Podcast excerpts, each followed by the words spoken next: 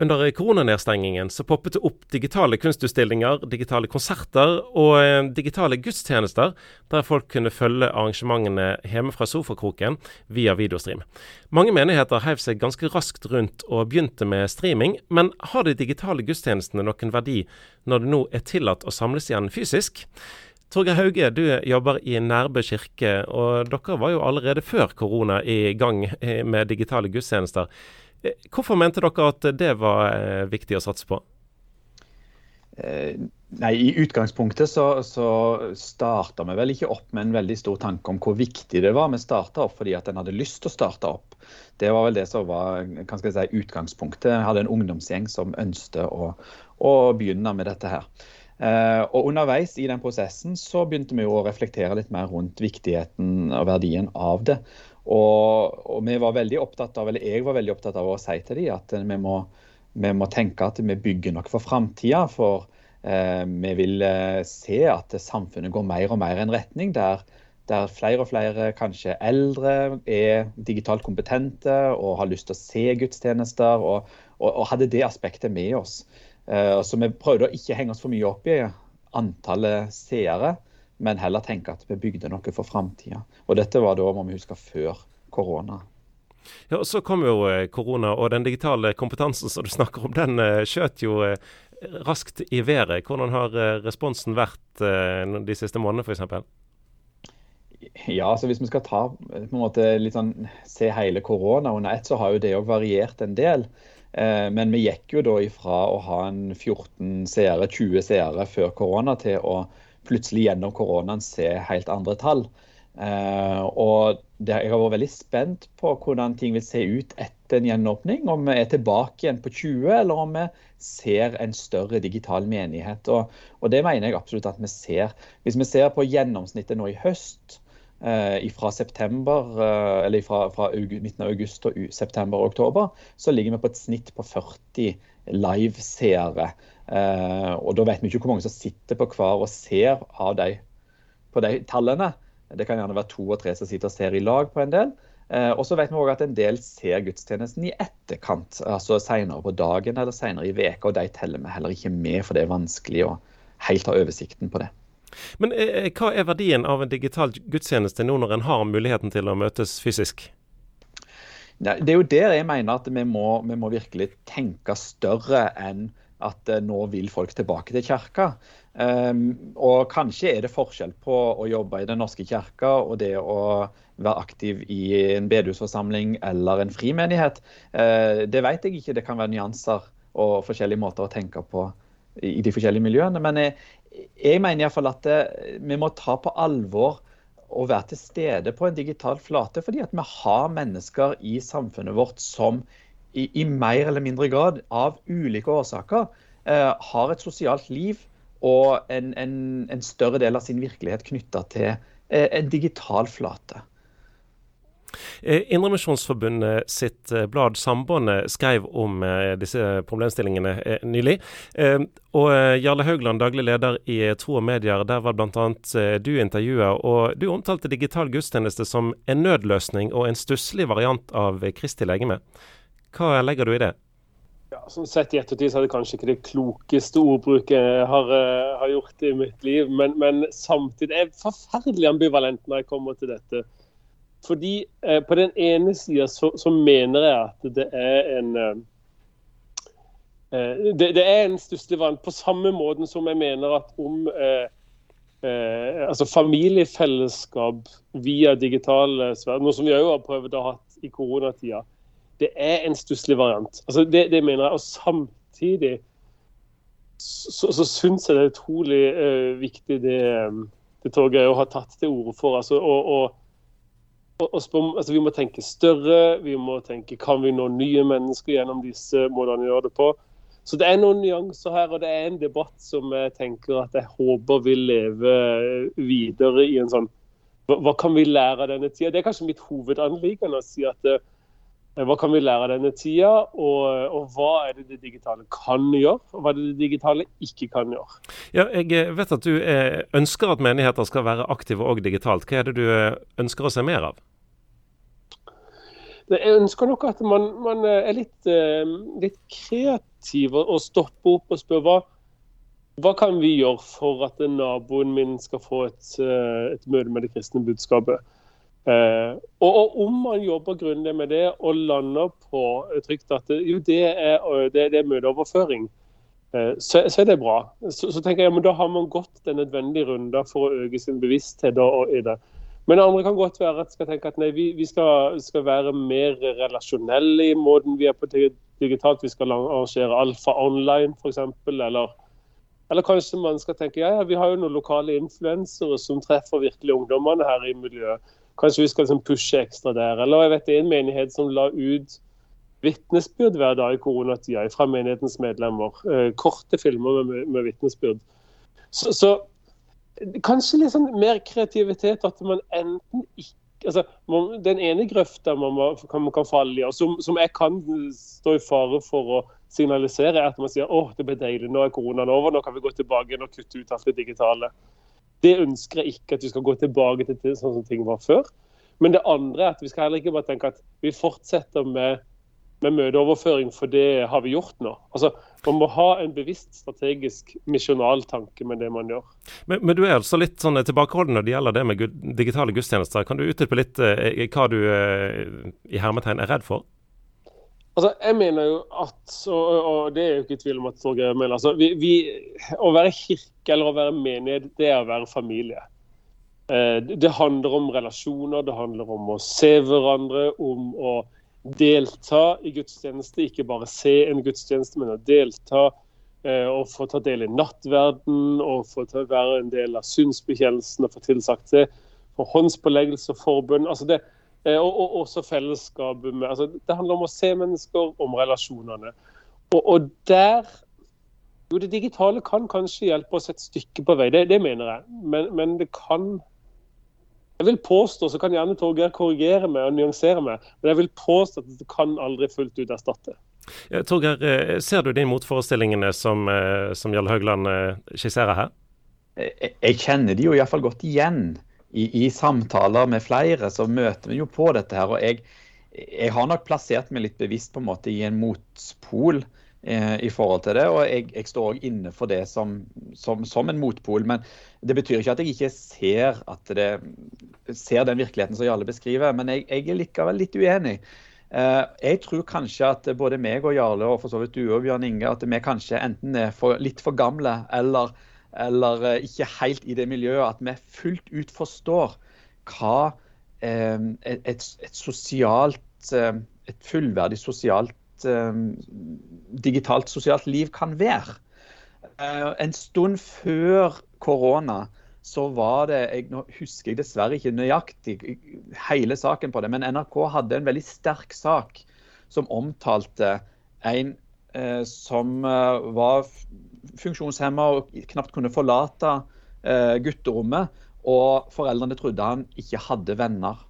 Uh, og når han døde, så oppdaga de at det kom jo folk fra alle verdens kanter for å delta i begravelsen hans. For han hadde et stort sosialt liv på nett. Det de hadde bekymra seg for, var en, et dypdykk i noe som kanskje ikke bare var godt, viste seg å være en fullverdig sosial arena for han. Eh, og disse menneskene er der ute òg. Eh, jeg er jo ikke der sjøl. Men, men, men, jeg prøver likevel å ta dem på alvor og forstå dem. Og, og tenke at vi skal òg være til stede for dem som kirke. Ja, betyr det at du eh, tenker at en digital gudstjeneste kan være skal vi si, mer enn en nødløsning for, for de som av en eller annen grunn, sykdom eller hva det kan være, ikke får til å møte opp fysisk? I, I, aller høyeste grad så mener jeg at en gudstjeneste kan være det. Eh, men det er en stor forskjell, og her siterer jeg Hans Olav Hodøl, som er en eh, god mann som har forska på disse tingene, eh, at det er en stor forskjell på å vise en gudstjeneste og å være en gudstjeneste. Og Der har vi en lang vei å gå ennå, tror jeg. Og så vil jeg òg si meg helt enig med Jarle i at jeg òg etterlyser og er veldig spent på fortsettelsen på hvor, hvordan vi vil se bredde i forskjellige ting på den digitale flatene. Altså, det at alle skal gjøre det samme og sende gudstjenester, det uh, tror jeg ikke jeg heller nødvendigvis har den største verdien. Jarle Haugland, du rekker å sette opp hånden her. Ja, jeg, jeg gjør det. Fordi uh, dette er jo knallbra, og dette er en kjempeviktig samtale. Men, men, men du, du, henviser til, til han eh, Mats og en, en, veldig sterk sak på NRK. Eh, men han hadde det, det ene sier, han hadde fellesskap. Og jeg vil påstå at det å se på en overført gudstjeneste er ikke fellesskap. Altså det, det, det, er, det, er, overføring av informasjon, eller det er å se på noe som skjer der. Jeg er ikke eh, uenig i det. Nei, og, så jeg skulle gjerne ønske at vi Kanskje vi kunne kartlegge, liksom, og være litt sånn konkret i en menighet. Hvem er det vi når gjennom gudstjenesten som vi ellers ikke når? For det finnes mange grunner til at mennesker ikke går på gudstjeneste. Det kan være at de er det kan være såra mennesker, det kan være de jobber skift, det kan være at de ikke har barnevakt, det kan være at de har sosial angst. Altså, det finnes så mange grunner til at man holder seg vekk fra fellesskapet. Spørsmålet er kan vi Istedenfor å tenke at, vi, for, for, for, at vi sender, kan det bli en lettvint løsning å si at ja, vi sender jo en digital gudstjeneste til dem.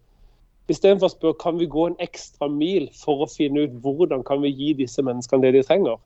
Mer enn bare en overføring av et møte.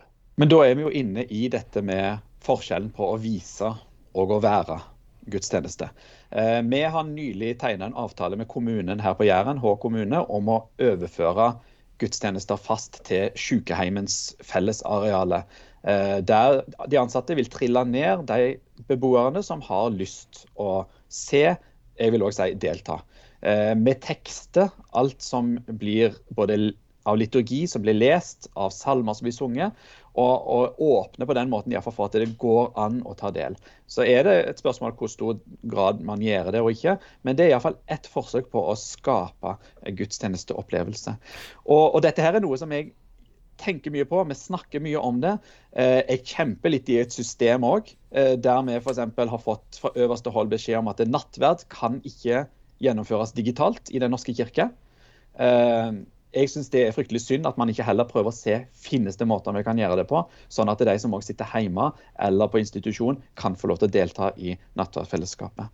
Vi har gjennomført bønnevandring på gudstjeneste her fysisk. Da lager vi alternative digitale bønnevandringsopplegg for de som sitter hjemme. Og på den måten ønsker vi òg at ikke bare den derre Eh, overføringa av gudstjeneste bare skal være på en måte noe sekundært som vi gjør i tillegg, men at vi faktisk skaper en egen gudstjeneste gjennom den overføringa som vi sender ut. I den historien som du refererte til, eh, Torgeir Hauge, så eh, var det jo en eh, der en satt og spilte, en satt og spilte i, i, lag, og en kan snakke sammen osv. På, på spill. Det blir litt vanskelig å, å, gjøre på en gudstjeneste der flertallet sitter i, i benkeraden i kirken. Men, men, er det mulig, eh, sånn som du skisserer her, å finne skal vi si, mer toveisløsninger, og digitalt? Ja, og, og, der tror jeg nok at det vil altså en del mer hva skal jeg si det, Hvis vi bruker et såpass liten uttrykk som, som um, altså mer karismatiske menigheter og forsamlinger, vil kanskje kunne gjøre enda større grad av den type ting enn vi kan i Den norske kirke. Uh, den norske kirke er traust og skal være traust, og, og det skal være gjenkjennelig det vi sender ut òg, på det planet der. Men jeg tror at innenfor de rammene så jeg tror jeg tror på ingen måte at vi har gravd oss til bunns i denne gruva av skatter som kan finnes i digitale muligheter og innenfor et uh, gudstjeneste- og, og møteliv. Um, også, sant, Samtidig så understreker jeg jo at for de aller fleste av oss, så er jeg helt enig med Jarle, for de aller fleste av oss er ikke dette nok. For de aller fleste av oss så vil det være behov for noe mer. Det vil være behov for å møtes fysisk. Fordi at det å møtes er mer enn å gå på en gudstjeneste. Det er mer enn å gå på et møte. Eh, men, men jeg er veldig opptatt av her, å ta på alvor den gruppa som faller utafor i dette. Ja, eh, Jarle Høgland, eh, står du i fare for der å gjøre de som bare er med digitalt, til litt sånn annenrangs gudstjenestedeltakere i hermetegn? Ja, det står jeg i fare for. Derfor er jeg veldig ambivalent. Det, det må jeg bare, altså, hvis, ikke, hvis ikke jeg erkjenner det, så, så, jeg, så tenker jeg jeg bommer veldig. Uh, og, og, men jeg ønsker ikke å gjøre det. Uh, men, men, jeg står i fare for det. Så, så, der er det en sånn krevende kommunikasjon å si at det går, det an, går, det an, å bruke familiebildet igjen og si at noen ganger så har vi digitalt fellesskap fordi familien bor forskjellige steder i landet. Det er ikke annenrangs familiemedlemmer men vi tror det er mulig med noe mer. Altså, eh, og, og, jeg syns jo at eh, altså, jeg synes jo at Torgeir peker på noe av den kreativiteten og muligheten som ligger der i å gå liksom ett skritt lenger enn å altså, hva, hva, om de hadde, samtidig som de overfører gudstjeneste på aldershjemmet, eh, sender noen som også kan dele ut nattverd samtidig der hos de. Altså, da kombinerer man, og det er jo kanskje det vi, vi snakker om at fremtidens kirke er hybrid. altså En sånn kombinasjon av fysisk og digital. Eh, det tror jeg nok kanskje er den veien vi må gå. Og så, tror jeg at vi eh, vi kommer ikke vekk ifra at vi er skapt som mennesker av kjøtt og blod, og så vet jeg at det kan være en litt sånn unyansert setning, da. Men, men, eh, men, jeg tror vi skal gå den ekstra mila. Det er kanskje min sånn eh, Det kan godt være for, for, og Kanskje vi må utfordre litt forståelsen av hva vil si å være kirke. Eh, at det handler om at Av og til så må man møtes to og tre. Av og til så kan man si at ja, de, de personene som ikke hadde sjanse til å gå på gudstjeneste, eller ikke orka, men de har kanskje en kristen venn eller tre som kan komme og sette seg ned, og så tar vi en prat sammen, og så ber vi sammen, og så bekjenner vi sammen, og så deles ut. Altså, vi må utvide forståelsen der, sånn at ikke vi bare tenker enten så går du på møte og sitter der, eller så får du med deg en digital gudstjeneste. Men det er mye rikere og, og mye mer tilpassa menneskers eh, personlighet. Og da er vi liksom ikke Jo, da tenker jeg at da skal vi spørre hva, hva har det digitale å si her, og hva har det også det analoge, og hva er det det kan tilby som ikke det digitale kan? Nå ser jeg at eh, Torgeir Hauge sitter og, og, nikker ganske masse mens, mens du snakker, eh, Jarle Høgland. Men eh, avslutningsvis, eh, på Indremisjonsforbundet lederkonferanse nå i helgen, så skulle det ha vært to seminarer som handlet om digital kirke, og du Torgeir skulle ha leda den ene seansen der. Bladet Sambandet de skriver at begge ble avlyst pga. Av liten interesse. Hvordan tolker du det? Eh, det er ikke dramatisk for meg i det hele tatt eh, at eh, jeg skulle ha et seminar som var laber interesse for denne gangen, og skulle også være med i et nettverk som ble avlyst. Det handler litt om at det er et stort program og mange interessante ting å følge med på. Og, og, og at folk, en del folk er ja, slitne og lei av dette og føler de har hørt nok. Det er en fase vi er inne i nå. Um, og det, det, tenker jeg er helt greit. Uh, og det sier noe om at dere hadde et godt program på, på lederkonferansen som var uh, uh, på Straume. Men, men jeg, Når jeg på en måte begynte å lese litt, så kunne jeg likevel kanskje ønske at jeg var til stede. For jeg følte nok at det her var det en veldig sånn samstemt gjeng som var lei. og som kanskje Da kan òg sånne kommentarer som, som, Jarle sier at det kanskje ikke var det klokeste formuleringene komme eh, til overflaten, fordi at man, man, er jo i gode venners lag, og alle er egentlig enige. Eh, og jeg, jeg, har veldig stor eh, tiltro til at, eh, til at, du mener nyansert i dette her, Jarle. Og jeg leste òg egentlig den kommentaren som en litt sånn der og da. Eh, kommentar. kanskje vi til og med kan bruke litt flåsete kommentar. Eh, men, men, eh, jeg kommer gjerne igjen for å snakke om digital kirke, og kanskje når folk har fått eh, litt mer hverdagen tilbake igjen. Og på Nærbø så vil det bli digitale gudstjenester òg framover, regner jeg med? Ja, nå må jeg ærlig innrømme at nå på søndag så var, så måtte vi for første gang siden mars 2020 avlyse en streaming fordi jeg ikke hadde nok bemanning. Nå har gjengen stått på eh, lenge. Dette er ungdommer, unge ungdommer som stiller opp søndag etter søndag, og jeg er kjempeimponert over de, og de kan etter hvert veldig mye.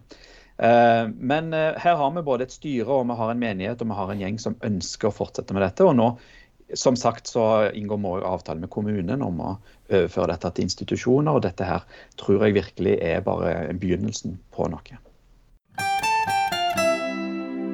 Du har hørt en podkast fra Petro. Du finner masse mer i vårt podkastarkiv på petro.no.